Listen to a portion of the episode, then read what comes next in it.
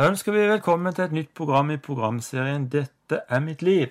Hver uke får jeg, Jørgen Reinersen, en ny gjest i studio til en samtale om livets realiteter. Og Denne ukens gjest er Susanne Aanesen. Hjertelig velkommen til oss, Susanne. Tusen takk skal du ha. Du er jo en eh, velkjent tolk og leder for en spennende organisasjon som heter Jesus Word. Dette skal vi komme tilbake til, men vi må høre hvor ble du født, og hvor vokste du opp? Jeg ble født i Kristiansand og vokste opp i Kristiansand på Hellemyr, så jeg er nok ei ekte Kristiansand-jente, og bor der også i dag. Hvordan vil du beskrive barndommen din? Du, egentlig på mange områder kjempefantastisk. Eh, gode foreldre, eh, søsken, et trygt hjem på den måten. Eh, en god skolegang, samtidig som jeg veldig tidlig ble utstøtt, skråstrek mobba litt for, eh, og etter hvert mer, fordi jeg trodde på Jesus. Så det satte jo sine spor, samtidig som det også vekka noe i meg. På at eh, ja, men jeg tror virkelig på han, og da må jeg kunne stå for det. Så det prega jo egentlig hele min barndom og ungdom og egentlig hele mitt liv. Det at jeg tok sånne bevisste standpunkt for Jesus så tidlig. Åssen var det? Du var ganske ung da når du ble mobba eller frøs ut av de andre? Ja, de første tingene jeg kan huske, kan jo ha vært kanskje fjerde-femte klasse. Hvor det var spesifikt pga. at jeg valgte å stå for Jesus. Og i sjette klasse så ble jeg jo helt utstøtt. Så kan man noen, av jentene, så kan man noen ganger tenke ja, var det bare noe jeg fant på? Men så er det en kjempespesiell historie det at eh, på ungdomsskolen da, så var det ei jente som kommer til meg og sier du, du, kan du komme hjem til meg og fortelle meg litt om Jesus? Mm. Og så ble det en prosess hvor hun og ei annen venninne etter hvert tok imot Jesus. Og etter hvert sier hun til meg du, unnskyld for at vi var så slemme med deg. Men disse tingene med at det eh, gjorde at det våkna noe i meg i forhold til det at ja, men dette er det jeg vil bruke livet på. Eh, Jesus er faktisk så verdifull for meg at selv om jeg da mister kanskje et vennskap og litt rykte, så er Jesus viktigere. Og det er jo en god lærdom. Så på en måte så Ja, det har jo skada meg litt og, og, vært sårt. Og på den andre siden så har det gjort meg sterkere. Og det var jo også i den tida jeg må si egentlig at jeg fikk kallet. Kanskje skjønte det ikke helt da, men det at Jesus betydde så mye for meg, at jeg ville alle skulle høre om han, for det var det beste, det brant seg fast da helt tidlig. For parallelt med alle disse tingene så var jeg også alltid på leir. På gode havglimt, som NMS driver og lærte der og pugga En del av de tingene vi gjorde, var bl.a. å ha sånne leirmerker. Og jeg syns alltid de bibelmerkene var gøyest. De var de som trigga meg mest. Vi tok sjømerker og sjøvett og alt mulig, men bibelmerkene og pugge. Og da pugger den Matteus 28, 18-20. Mange kan det, men hvor Jesus sier før, noe av det siste han sier før han drar til himmelen Meg er gitt all makt. Gå derfor ut og gjør alle folk til disipler. Så trengte ikke egentlig jeg mer. Det bare brant seg fast at ja, selvfølgelig. Jesus har all makt. Og alle må jo få greie på dette. Så barndommen min, jeg vil jo si, var, var god. Det var Jesus, og begynte tidlig å lese Bibelen. Jeg fikk, jeg vet ikke om du husker, men det var en bibel som var gul på utsida med ei marihøne på. Så litt sånn i noen av de ganger hvor noen av de jentene gikk sammen eller på klassen hadde prøvd å komme litt på besøk, så gikk de utenfor rommet mitt, og så så jeg inn på denne bibelen, og så sier du 'hva er det for noe?' Så lå på nattbordet mitt, og sier 'det er bibelen min'. Jeg har aldri sett sånn en bibel før. Så det var sånn Marihønebibelen. Jeg tror mange husker den fra, fra den tida. Godt nytt, hva heter det? Nei, det var hele Bibelen. Oh, ja, ok. Det var en sånn med noen strå, og så var det ei rød marihøne på. Mm. Så de som hadde den, de husker den. Og den leste jeg daglig fra jeg tipper til 11-12-årsalderen sånn tilpassa bibelplaner. Og, og, det gjør jo at når, altså, når man spiser, så har man det godt. For når man spiser god mat, så har man det kanskje enda bedre. Ja, Du nevnte jo at du, du opplevde utfrysning. Men allikevel så gjorde det deg mer bevisst. Er ikke det typisk Herren, da, at han kan omvende en vanskelig situasjon til noe godt? Jo, og jeg vil jo kanskje si at det er det unike med Gud. Det er kraften i evangeliet. At, at, når vi opplever noe som menneskelig sett kan virke utfordrende, så skjer det noe inni oss, håper jeg, hvor vi roper ut til Gud. Hvor vi sier 'Gud, jeg trenger hjelp'. Og det er vel noe det Bibelen snakker om til å ydmyke seg. Det er en sånn rar ting. Ydmyke seg betyr ikke å være svak eller feig eller unnvikende. Men det betyr rett og slett mer bare OK, Gud, jeg trenger din hjelp. Eh, og så er det noe med at Gud i deg, det er kraft. Og den kraften tenker jeg noen ganger vi glemmer litt. Jeg kan gjøre det i hverdagslivet, men de gangene en husker på det og sier Gud, du i meg, du hjelper meg gjennom dette. Så på mange områder så Jeg visste det foregikk, og så trakk jeg meg litt vekk fra de og prøvde å finne andre miljøer, og så var det litt opp og ned. Men så gikk en jo i kirke og et godt ungdomsmiljø. Og da en var tenåring, så fikk jeg være med på det fantastiske at det var vekkelse i området der vi bodde. Fortalte om hun venninna, men det var også flere. Så, så plutselig som tenåring, som 15-16-åring, så ble veldig, veldig mange av ungdommene fra alle samfunnslag og på skolen kristne. De kom på ungdomsklubben. Eh, og så ble vi sittende på kveldene og prate om Jesus. Så fra å ha hatt en litt sånn kanskje rar start og blitt litt, litt utstøtt for å tro på Jesus, så ble jeg plutselig den som kunne litt, og som ble spurt. Så det førte jo også hele tida til at jeg lengta etter mer. Det var et veldig godt miljø, og tidlig Jeg må tro en av de tingene som har gjort meg eh, Vært veldig viktig i mitt liv, at jeg tidlig som 14-åring fikk en åpenbaring. Jeg vet ikke hvilket ord jeg skal bruke. Åpenbaring er sånn et kristent, rart ord. Mm. Men plutselig får en sånn ha-opplevelse. Plutselig får man bare forståelse av hva ordet nåde betyr. Og hva Guds nåde er. Og det å forstå det så tidlig at jeg kommer ikke til himmelen fordi at jeg er så flink. Ikke fordi at jeg er så fin. Ikke fordi at jeg har gjort noe, men fordi Gud er god mot meg og elsker meg, og han vil ta meg hjem. Det har gjort at jeg har aldri tvilt så det er en sånn rar ting, for mange, mange har en sånn tvil. Men jeg har aldri hatt den tvilen på at jeg kommer til himmelen. For jeg, 14 år gammel, så fikk jeg vise at ja, selvfølgelig, det handler ikke om meg, men det handler kun om hva Jesus gjorde. Og det har vært sånn fundament i livet som har båret meg For det, det, skjer jo ting i livet, det må en jo innrømme. Men det, det har aldri, jeg har aldri tvilt på den himmel, at himmelen er mitt endelige mål. Så du hadde ikke noe sånn opprørstid som ungdom, da? Nei, ikke annet enn at jeg hadde en sånn Jesus-lengsel. Uh, at det nok uh, leda til at i det miljøet jeg var, kanskje ble sett på som litt annerledes. Så når jeg da valgte en, en DTS, en ungdom i oppdrag sin disippeltreningsskole, så var det litt sånn OK, hva er det? Folk var litt sånn, syntes det var litt rart. Men men i denne tida her så møtte jeg jo også han som er gift med meg, da. Det var et morsomt møte. Jeg møtte han midt på markens.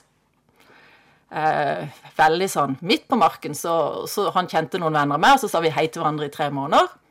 Og så hadde vi én samtale en lørdag kveld, og da snakka vi om Gud og Jesus og Den hellige ånd. Og så er vi litt uenige om vi ble sammen på mandag eller onsdag. Men vi ble da sammen mandag eller onsdag etterpå, siden har vi vært sammen. Men han hadde da fått tak i denne åndsfylden. Det å oppleve å bli fylt med Den hellige ånd. Eh, og det hadde ikke jeg opplevd på det tidspunkt. Og det tok lang tid før jeg klarte å forstå det, eller før jeg opplevde det. For jeg var eh, Folk tror jo kanskje ikke helt det når de ser meg da, men jeg var ganske på en måte tilbakeholden. På en veldig sjenert. Samme om jeg hadde fått denne aha-opplevelsen om nåde, så hadde jeg også en veldig uh, mindreverdighetsfølelse. Det er noe som jeg har jobba med. Jeg skal ikke si noe slitt med det, men den har jo det. Jeg har hatt, jeg vet, du kan eh, noen ganger tenke litt ja, det kom fra det, og det kom fra det, og jeg vet noen hendelser som skapte noe i meg tidlig. Men den minneverdighetsfølelsen, den har, har, vært en sånn utfordring som er hvordan Gud skal bli kvitt den. Fordi at eh, når jeg leser i Bibelen, så står der ikke det. Gud setter ikke mindre verdi på meg enn han gjør på deg, Jørgen. Gud setter lik verdi. Ja, ja. Hvordan jobber man seg ut av det, da? Nei, jeg ble mest oppmerksom på det da jeg var ung voksen, og så kunne jeg be for mennesker. Så kunne jeg se på det, se det i øynene og si du vet at Jesus elsker deg. Og så kan mange Johannes 3, 16 bli for så høyt av Gud elsket verden. Så lærte vi på den bibelskolen at ja, så setter vi en persons navn og sier at Jørgen, for så høyt av Gud elsket Jørgen at han ga sin sønn. Og så sto jeg og så sa jeg dette til andre, og så kjente jeg ja, men jeg tror jo ikke det gjelder meg. Og så begynte jeg Hva skjer, Gud? Hva er dette? Hvorfor, hvorfor kan Når du sier alle, så kan jeg lese alle minus Susanne. Og det var en sånn derre Hva skjer her? Og da måtte jeg be Gud hva, hva, er dette? dette er jo ikke riktig. Dette er ikke sant. Og så har noe av det som jeg har måttet jobbe mye med, det er det at i løpet av livet Jeg tenker uansett hva vi opplever, så får vi en sånn en Mange får, i hvert fall jeg hadde, et galt tankesett. Vi tenker tanker som ikke er riktige. Vi tenker tanker som ikke Gud sier er riktige. Og så er det mange grunner til at de kommer, og noen ganger trenger vi å bearbeide de. Men alle trenger vi å finne ut hva er sannheten. Og jeg begynte å spørre Gud hva er sant. Hva er sant om meg? Og så måtte jeg gå dypt inn i og se OK, jeg syns det er så vanskelig eh, kanskje være dame. Og kanskje det å ha den kall eller den oppgaven jeg tror Gud vil jeg skal gjøre. Og den personligheten. Jeg er ikke glad i å lage mat. Jeg, jeg elsker mine barn, men jeg er ikke sånn superbegeistra for babyer. Og så er det mange sånne forventninger som samfunnet på en måte legger på der, som at jeg tenker at ja, jeg er mindre verd fordi at jeg ikke er glad i å lage mat. Nei, det er jo ikke sant. Så måtte jeg bearbeide hva er sant. Og det har jeg brukt mye tid, og det må jeg fortsatt. Jeg på en måte legger politiet og arresterer mine egne tanker. Gud, hva er sant her? Hvorfor kom dette opp? Hva skjedde nå? Hvorfor reagerte jeg sånn som jeg gjorde? Og så må jeg sette meg ned og tenke Det er et bibelvers som sier det, at alt som er sant Og så er det en lang liste med flere ting, men alt som er sant, gi akt på det. Tenk på det. Og så Mange ganger så har jeg begynt når jeg begynner å tenke disse Jeg tror mange kjenner seg igjen på at det kommer ting og tang. Noen ganger så er det pga. ytre ting som skjer. Vi kan se en reklame, vi kan møte noen. Eller så er det bare sitter vi alene, og så kommer det opp ting, og så føler vi mindre verd. Vi føler oss ja, ille til mote. Eh, og så er det Hva er sant, Gud? Jeg er mindre verd enn Jørgen. Jeg er mindre verd enn de andre. Nei, det er jo ikke sant. Ja, men hvor kommer det fra? Så kunne jeg på en måte sette fingeren litt på hvor noen av disse tingene kom fra. Og så er det Det er jo én ting å identifisere det, og så er det Ja, men hva er sant, da? Jo, men at Gud elsker meg. Og det å, å, å stå og se seg sjøl i speilet og si at ja, men Gud elsker meg. Ikke bare de jeg ber for. Ikke bare de jeg møter på møte. Og, og, kristne kan jo mange Noen kaller de skinnhellige. Eh, noen sier at ja, men alle ser så fine og flotte ut. Og jeg kan gå på møte og si at det ser ikke ut som noen andre har problemer. Og så vet en jo at jo, men de sliter litt med det, og de sliter med det. Og så er det noe med at ja, men sånn som jeg er, så elsker Gud meg. Og det er jo akkurat sånn som jeg er, som jeg kommer til himmelen. Og uansett hva jeg klarer å prestere, så imponerer jeg ikke Gud. Han har en god plan for livet mitt, men det henger ikke sammen med verdien min. Så dette med verdi har vært en kjempe, kjempeviktig ting for meg. Sånn at i dag når jeg står på scenen, og noen ser meg enten tale eller tolke, og egentlig er ganske fri, så er ikke det den jenta som eh, han som jeg gifta meg i dag, tok med på på møter og bønnemøter. Og jeg kunne sitte i en krok i en sofa med beina oppunder kroppen og nesten prøve å gjemme meg. Så det har vært en ganske lang reise. Og det å løfte hendene på et møte, at noen skulle se det, det, det var uhørt. Det måtte jeg øve på. Det måtte ta en skikkelig bestemmelse på. At så fri vil jeg være. Og da hadde jeg spurt Gud, hvordan ser jeg ut fri? Og jeg tenker det er en kjempeviktig ting for alle det er det å faktisk tørre å spørre. Midt i den livssituasjonen vi har. Gud, det står at du har en god plan for mitt liv.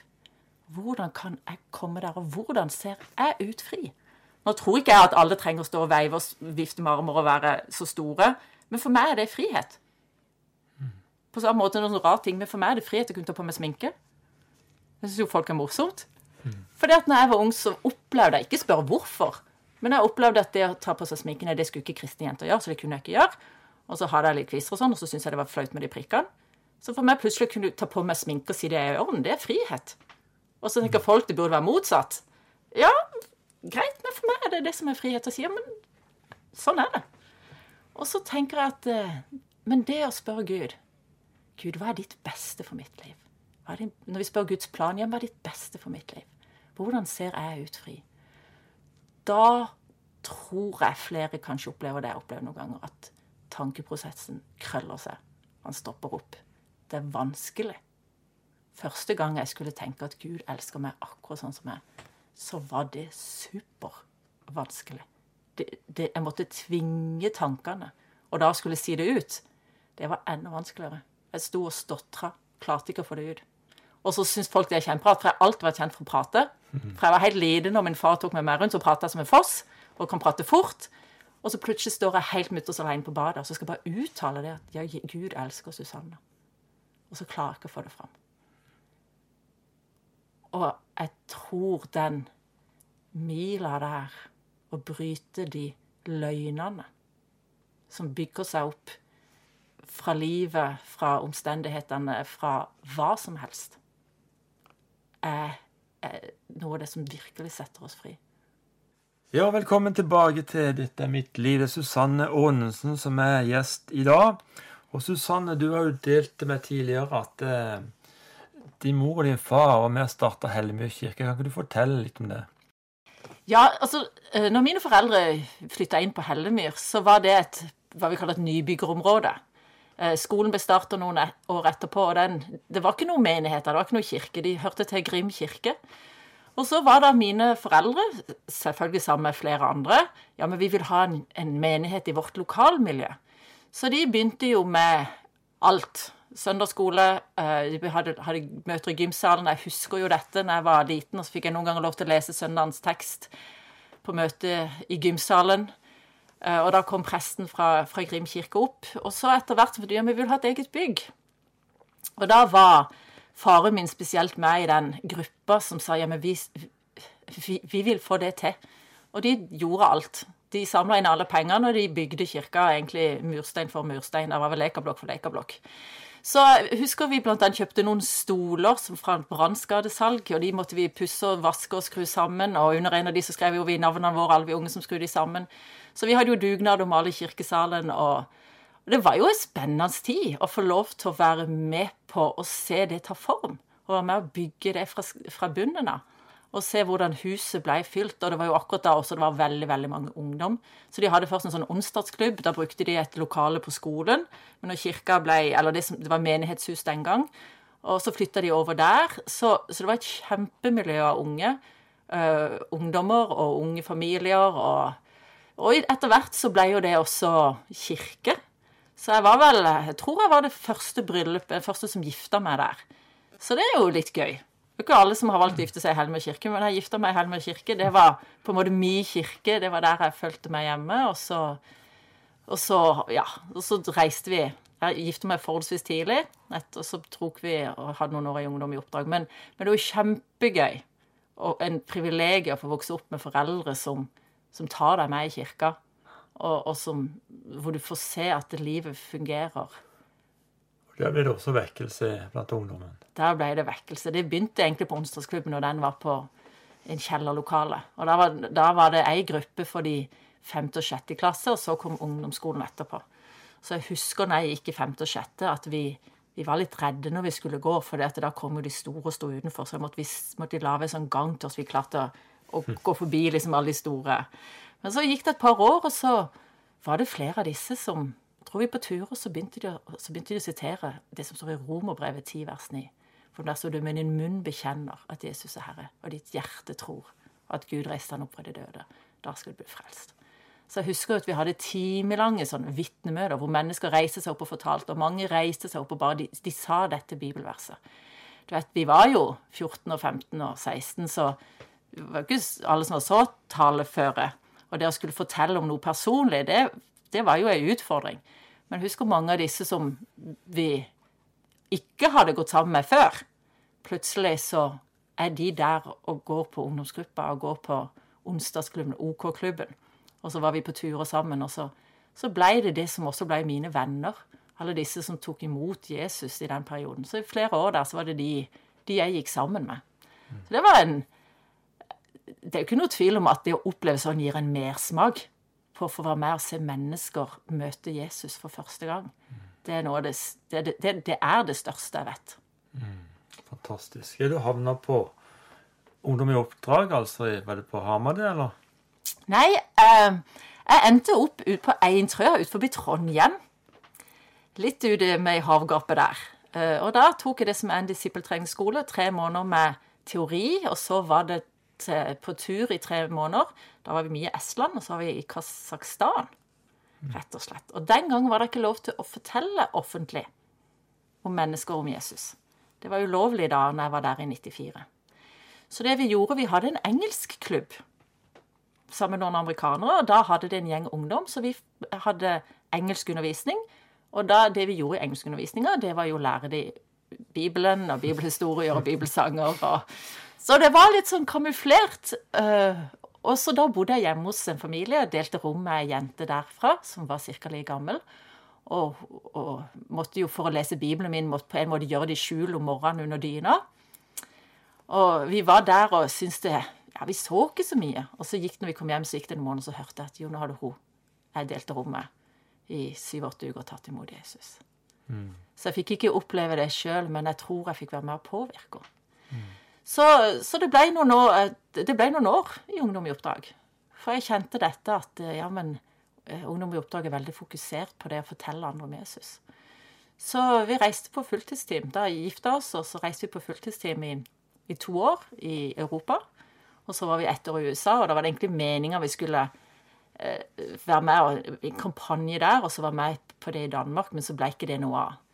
Så da fikk liksom Jeg trodde jo at misjonær det skulle jeg være. Jeg skulle aldri bo i Kristiansand mer. Så når jeg reiste fra Kristiansand som 20, eller fra ja, 21 var vel når jeg flytta fra Kristiansand, da tenkte jeg jeg kommer aldri tilbake her sånn for å bo her. For å besøke familien, men ikke noe annet. Og så har jo Jeg vet ikke hva som er hva, men jeg må jo tro det er Gud. Eh, når de tingene vi hadde planlagt, eh, ikke ble noe av, så sier mannen min når vi hadde vært et år i USA, at nei, nå skal vi tilbake til Kristiansand. Og da var det bare nei, det skal vi i hvert fall ikke. Mm. Og så måtte vi da bli enige, og så endte vi oppe i Kristiansand og har blitt her siden. Og så har min oppgave mer vært å reise. Han er en fantastisk mann, men han eh, lir seg i arbeidsmarkedet. Lir å ha en jobb og tenker det er hans plass. Og det er alltid morsomt når han har vært på en reise eller noe, å høre hvordan han i sin vanlige jobb møter mennesker, kan snakke med de om Jesus. Eh, og så har jeg kjent at ja, men jeg ønsker mer direkte eh, Faktisk, det er kanskje litt rart, men det å gå på gata og, og snakke med mennesker eh, Det å få ta På et eller annet vis komme i kontakt med mennesker og snakke med dem om Jesus, det lir jeg. Det er utfordrende.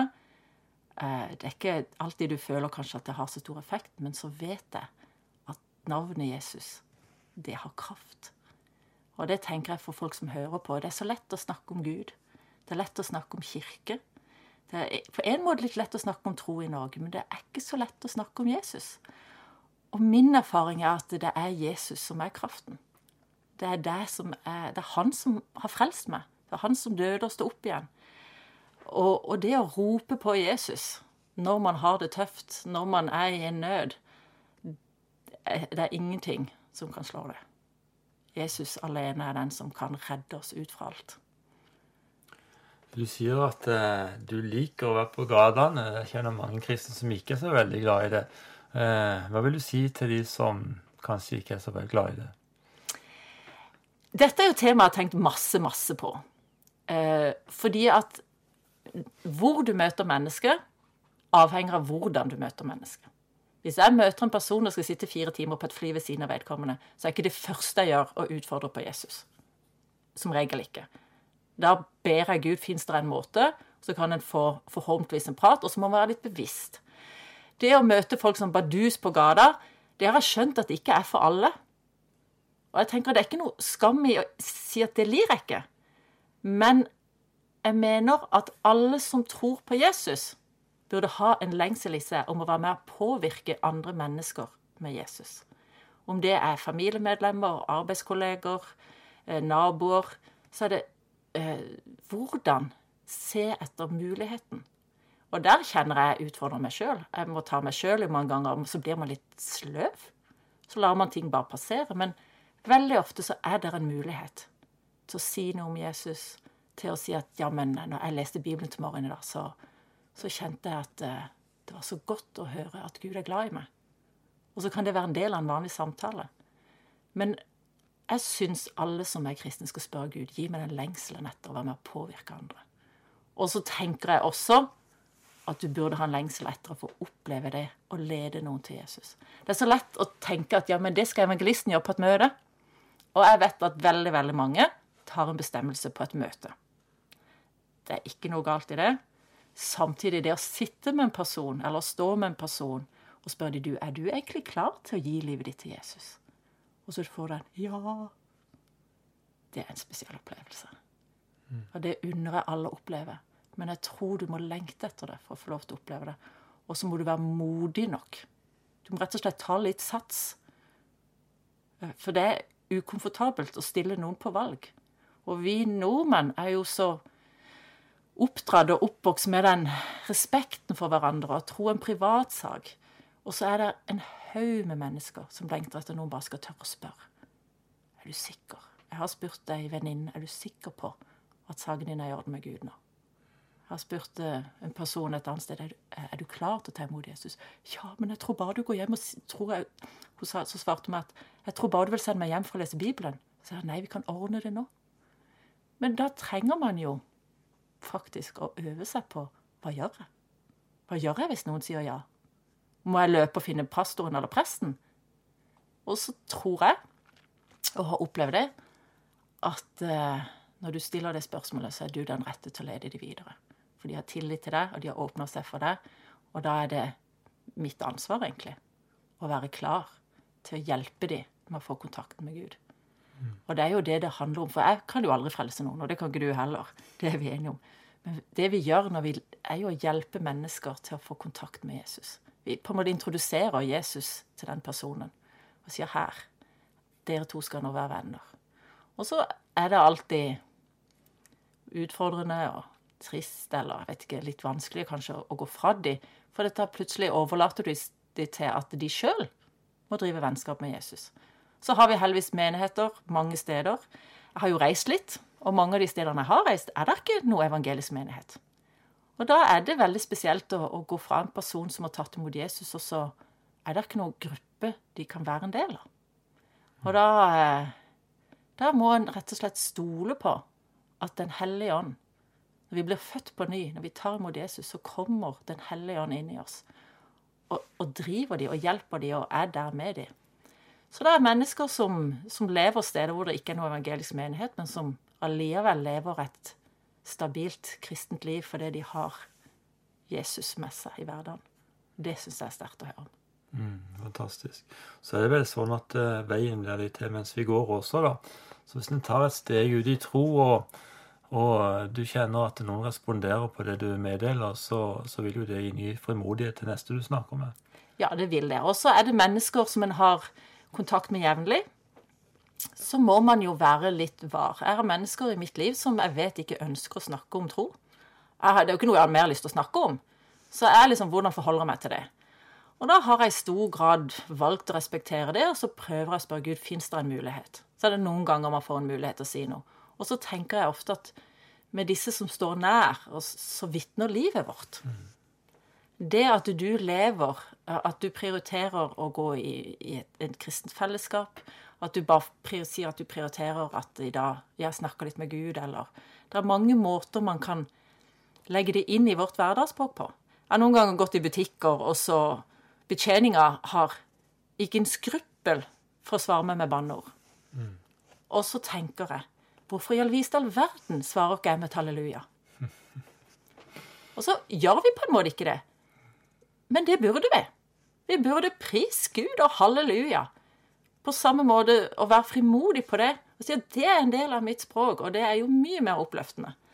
Så det handler mest, tror jeg, for det jeg kjenner meg sjøl, om hva som sitter i mine tanker og min følelse. Ja, men jeg føler ikke for det. Nei, men du kan allikevel velge å gjøre det fordi det er riktig. Vi må høre litt om A Jesus Word. Ny organisasjon som har starta for et par år siden, eller?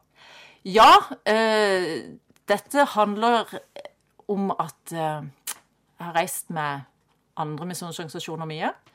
Eh, Du har hatt andre gjester, eller skal ha gjester i, i studio som heter Tone og Grit Bakkvold, som har drevet Euromission. Har samarbeidet med dem mye, og reist mye med dem. Fantastisk arbeid, hvor de hovedsakelig eh, drar til byer i Europa hvor ikke det er noe evangelisk menighet. Og på reise med de, så som jeg sa, jeg liker å gå på gata, jeg liker gatemøter, vi har mye kampanjer, og, og det har en god effekt. Og så kjenner jeg at jeg får et hjerte for alle de som ikke hører. Jeg mener det burde vært en menneskerettighet å vite veien til himmelen. Alle mennesker på hele jord burde vite veien. Jeg kan ikke velge for dem, men alle burde vite hva som er veien til Gud. Og Jesus er veldig tydelig, han er den eneste veien. Det burde alle vite, og så må de velge hva de vil gjøre med det. Så etter å bedre Gud, hvordan kan vi nå flest mulig? Så kom da denne ideen. Ja, men det fins jo reklame. Så hvordan klarer alle disse andre merkevarene å bli så kjent? De fleste bruker reklame. Så da har jeg i forholdsvis liten grad, men allikevel valgt å lage da Nå er det mest gjort dette i Polen foreløpig. En nettside på polsk hvor det er eh, historier for mennesker som har møtt Jesus. Fokus på hvordan de fra ikke-tro og prosessen til å komme til tro. Hva skjer da? og forklare litt eh, hva leda opp til, hva utløste at de begynte å tenke på det, hvordan har de møtt Gud, hvordan de har tatt imot Gud, eller tatt imot Jesus. Eh, og så har vi rett og slett eh, kjøpt reklame. Reklameplass i en lokalavis, på Facebook, litt sånn rundt forbi, for å nå ut til de som ikke kommer inn. Og det kjenner jeg en utfordring på i alle kulturer. Hos oss også. Hvordan nå mine naboer, som, eh, hvordan nå alle de jeg ser på Markens. Når jeg går på Gardermoen, så kjenner jeg å, jeg skulle ønske jeg kunne snakke med hver enkelt en. Eller kanskje jeg kunne stoppe og ropt på alle. Så vet jeg jo at det har jo dessverre ikke så mye effekt. En blir jo bare sett på som litt sprø. Men så vet vi jo også at veldig, veldig mange For Jesus og disiplene, de var mye på markedsplassen. Vi har ikke noe sånn torv i dag hvor de står og forteller nytt og gammelt nytt. Men vi har media. Vi har internett. Det er i hovedsak der hvor folk sitter og får både nyheter, men også der de bruker mye fritid på. Så har jeg hørt noen vitnesbyrd om mennesker som rett og slett har hørt andre vitnesbyrd. De har søkt på nettet, de har lært om Jesus, og så har det ført at de har tatt imot. Så dette er jo en, en form for uh, måte å dele evangeliet på som er lite målbar. Det er ikke så lett å se hvordan man påvirker. Samtidig som jeg tror at det har en effekt. Uh, og selv om ikke en får så mye tilbakemeldinger, så kan en allikevel uh, Sånn som jeg sier, Facebook er flink til å telle. De teller hvor mange som har sett. De teller mange som har sett en film i tre sekunder, og de teller mange som har sett den til slutt. Sånn at du får et innblikk i hva du når. Og det er en eh, Jeg vil si ut fra effekten en, en effektiv måte. Og jeg kjenner mitt kall i stor grad er å være med der og så, og, og, og gjøre det jeg kan for at mennesker hører om veien til himmelen. Og så må de sjøl ta valg, for ingen av oss kan ta valget for deg. Men hvordan kan du velge hvis ikke du vet hva du skal velge mellom? Og det er det. Vi tror og tenker at ja, men Europa er kristen, et kristent kontinent. Det er ikke sant. Det er millioner av mennesker i Europa som ikke har peiling på hvordan de kommer til himmelen. Og hvis du vil ha et tips for hvordan du kan kanskje påvirke de rundt deg, så bare spør enkelt og greit. Ja, hvis når du kommer til himmelen, hvorfor skal Gud slippe deg inn? Og det svaret du får da, avslører veldig mye hva folk tenker inngangsporten. Jeg har spurt såpass mange nordmenn at jeg har tegna et bilde på hva de fleste norske sier. Men jeg tenker det kan være et lite sånn utfordring for, for lytterne, for hver enkelt av oss. Finn en måte. Tenk deg ut på forhånd et spørsmål. Hva er naturlig for meg? Hvordan kan jeg komme inn på temaet med Gud og Jesus? Hvilke spørsmål kan jeg stille eh, for å starte? Og så, så selvfølgelig se an reaksjonen. Men jeg tror flere enn du hadde antatt, ønsker å prate om tro. Men veldig mange vet ikke hvem de skal prate med deg om. Ja, det er sant. Um, du er også tolk. Ja. du har tolka Dennis Greenwich og Nikki Cruise, kjent bandleder fra USA. Og, ja. Uh, hvordan kom du inn i den tjenesten? Nei, det skjedde for mange år siden. Det var egentlig at det var et behov på eh, bibelskolen i Philadelphia. Noen skulle det på dagtid. Eh, Og de andre som hadde gjort det da, gjorde det ikke. Så da var vi tre stykker som ble prøvd ut, og så funka det, og så har det siden blitt en del av det jeg har gjort. Så det interessante er at folk tror jo jeg gjør det kjempemye, men det er ikke det som er min eh, fulltidsjobb, altså. Men det er jo en artig ting å gjøre. Ja, det er det. Det Ja, det er jo artig ting, ting å Ja. gjøre. Det er ikke sånn at eh, hvis eh, monitorene eh, ikke gir det du trenger tilbake, eller at den du tolker er vanskelig å forstå, at du begynner å bli sveit og sånt, da.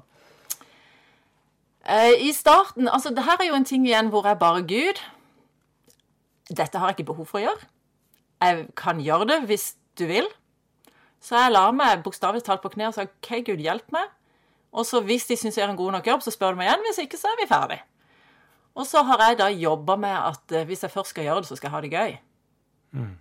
Eh, men selvfølgelig eh, Du hører fort om jeg, har, om jeg hører hva de sier eller ikke. Så monitor er jo en vesentlig sak her. Det, feilene er ganske synlige. Eller hørbare er vel rette ordet.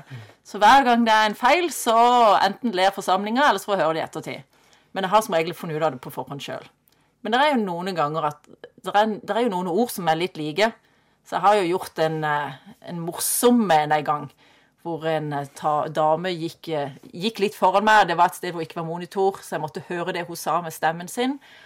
Og så hører Jeg hører og oversetter og sier norsk, på norsk at det kom ei mektig russisk kvinne. Og så tenker jeg febrilsk i mitt hode Jeg kan ikke huske at det står om noen mektig russisk kvinne i Bibelen. på referert til Bibelen. Og jeg jobber og jobber og jobber. Hvor er denne mektige russiske kvinna? Hun er ikke i bibeltekster jeg kan. Hva snakker vi om her?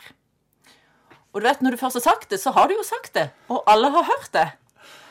Og så skjønte jeg jo da et par setninger etterpå at hun snakka om a mighty Russian wind. Altså den mektige vinden som kom når disiplene var på Øversand og ble fynt på Den hellige ånd. Og du vet, i et et egentlig litt alvorlig øyeblikk, med en sånn brøler fra tolken, så var det for noen litt vanskelig å holde alvoret i, i stunden.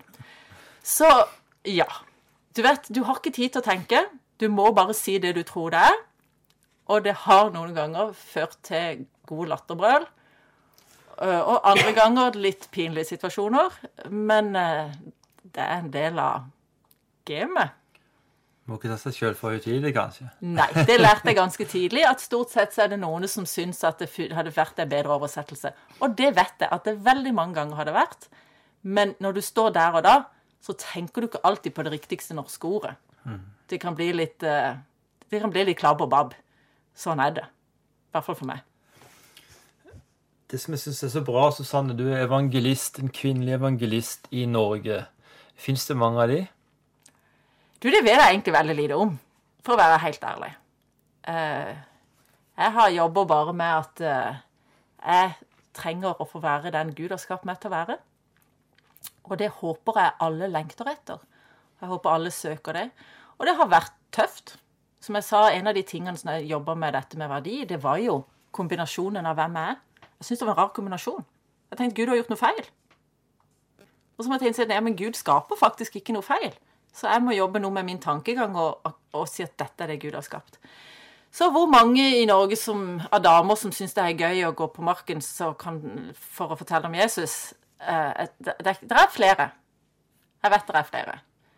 Heldigvis. Eh, men jeg har ikke telt de. Men de må jo gjerne si fra, de som hører på, og som kjenner seg igjen. Det trengs flere evangelister, ja. Det er det ikke tvil om. Ehm, Vi eh, nærmer oss jo faktisk avslutninga. Tida går så fort når vi sitter og har det hyggelig i studio. Men det fins en del lyttere som, som har kanskje utfordringer akkurat nå. Der de sitter foran radioapparatet. Har du noe til de? Ja, det som alltid er min løsning, er å gå til Gud. Og spør Gud, ærlig og oppriktig, Gud, du som har en god plan for mitt liv. Hva er ditt beste? Og det er vi ofte Ja, jeg vet omstendigheter og, og situasjoner kan være tøffe, Men ofte så er den største kampen det er våre tanker og våre følelser. Og de kan vi gjøre noe med. Det er ikke alltid du kan knipse og fikse omstendighetene eller situasjonen din. Men du, kan, du eier alltid din egen holdning. Og den kan Gud hjelpe deg med. Så det å da få be Gud vis meg hva er din plan? Hva er ditt beste for mitt liv? Hvordan ser jeg ut? Og gå, gå til Gud fortere. Si dette, Vær helt ærlig. Dette er den rotete situasjonen, dette er det vanskelige. Dette, sånn er det. Men gi meg Det står at vi skal vandre ved tro, og ikke ved det vi ser. Gud, la meg få se utgangen. Jeg hørte just en, en setning. Og det er jo at, at, Gud vet slutten på din situasjon, selv når du står midt oppi den. Og det er derfor et glimt av håp, et glimt av hva Gud ser. For troen på at ja, men han har kontroll. Det virker håpløst, jeg klarer ikke å se noe, men Gud har fortsatt kontroll, og han vil lede deg gjennom. Og det å klamre seg til Gud, det har vært min løsning. Og så har jeg noen ganger måttet nekte tankene og følelsene å styre. Og bestemt Jeg har jobba veldig på å tenke Guds tanker, og ikke la følelsene diktere hva jeg skal tenke. Og det er mulig. Det er en kamp, men det er mulig. Så der som du er nå, så høres det ofte ut som ah, ja, men det er umulig. Det er en lett løsning. Det er lett for deg å si. Nei, det er ikke lett for meg å si, for jeg har jobba og jobba med det. Men jeg vet det er mulig. Men det å da komme på kne framfor Gud og si 'Gud, hjelp meg', la meg få se. La meg få se det du ser. Det endrer perspektivet vårt. Og ofte når våre tanker, våre følelser og vårt perspektiv er endret, så blir ofte hele vår livssituasjon endra. Fordi vi er annerledes. Kanskje ikke omstendighetene, men, men jeg kan være annerledes oppi det. Kan du tenke deg helt avslutningsvis å be en bønn for lytteren? Ja visst. Jesus, takk for at du kjenner hver eneste som sitter og hører på nå. Og du vet om de har fred med deg, om de opplever seg trygge på at når de sitt liv faktisk en gang tar slutt, så kommer de rett hjem. Jeg ber først nå for de som kjenner usikkerhet, for de som kjenner tvil på om de er på vei til himmelen, på vei til en evighet sammen med deg. Kom du, og la de eh, ta de i hånda og le de, og la de få si sitt hjerte at du, Jesus, er min Herre, og bekjenne med sin munn at du er min Herre, du er min frelser. Og så ber jeg for hver enkelt en som kjenner nå både på mindreverd, som kjenner at omstendigheter og livet trykker på, det er vanskelig å leve, det er håpløst. Herre, takk for at du er håpets Gud.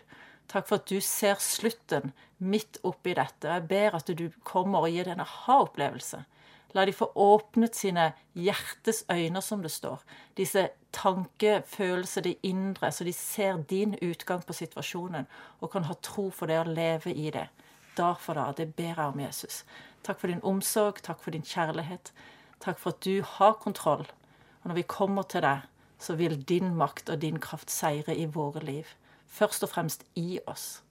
Jeg ber Gud at hver enkelt en som lytter, må kjenne at det er en glede å få leve, fordi at du bor i dem, og de har sin sak i orden med deg. De har fred med deg. Denne freden som overgår all forstand. Fyll enhver lytter med den i Jesu navn. Amen. Hjertelig takk, Susanne Olsen, for at du kom i vårt studio i dag. Må Gud velsigne deg, din familie og din tjeneste i årene framover. I dag har Jarle Fjelstad vært vår tekniker. Mitt navn er Jørgen Reinersen. Neste uke er vi tilbake på samme tid og på samme kanal med en ny spennende gjest i studio. Vi takker så mye for følget i dag og ønsker deg det beste av alt Guds velsignelse.